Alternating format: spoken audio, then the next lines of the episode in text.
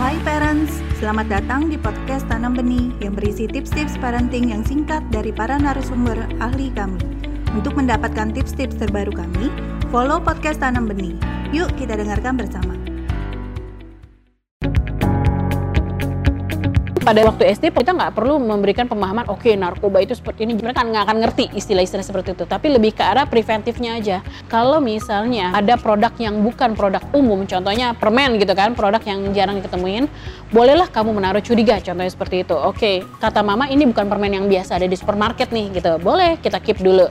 Baru kita konfirmasi mama aku tadi dikasih orang seperti ini. Kemudian pengenalan orang asing. Bagaimana ketika kamu didekati oleh orang asing orang yang bukan dari pihak keluarga kamu sendiri atau bahkan bahkan dari teman-teman orang tua gitu. Apa yang akan kamu hadapi? Bagaimana cara anak bisa asertif terhadap orang lain?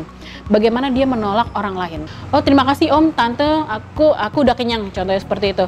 Uh, kata mama aku nggak boleh terima candy sembarangan dari orang lain nggak apa-apa it's okay jadi orang tua memberikan edukasi berupa mempersenjatai anak supaya untuk tidak terpengaruh dari orang asing itu untuk yang kelompok anak-anak ya Terima kasih telah mendengarkan podcast Tanam Benih. Jangan lupa follow podcast Tanam Benih.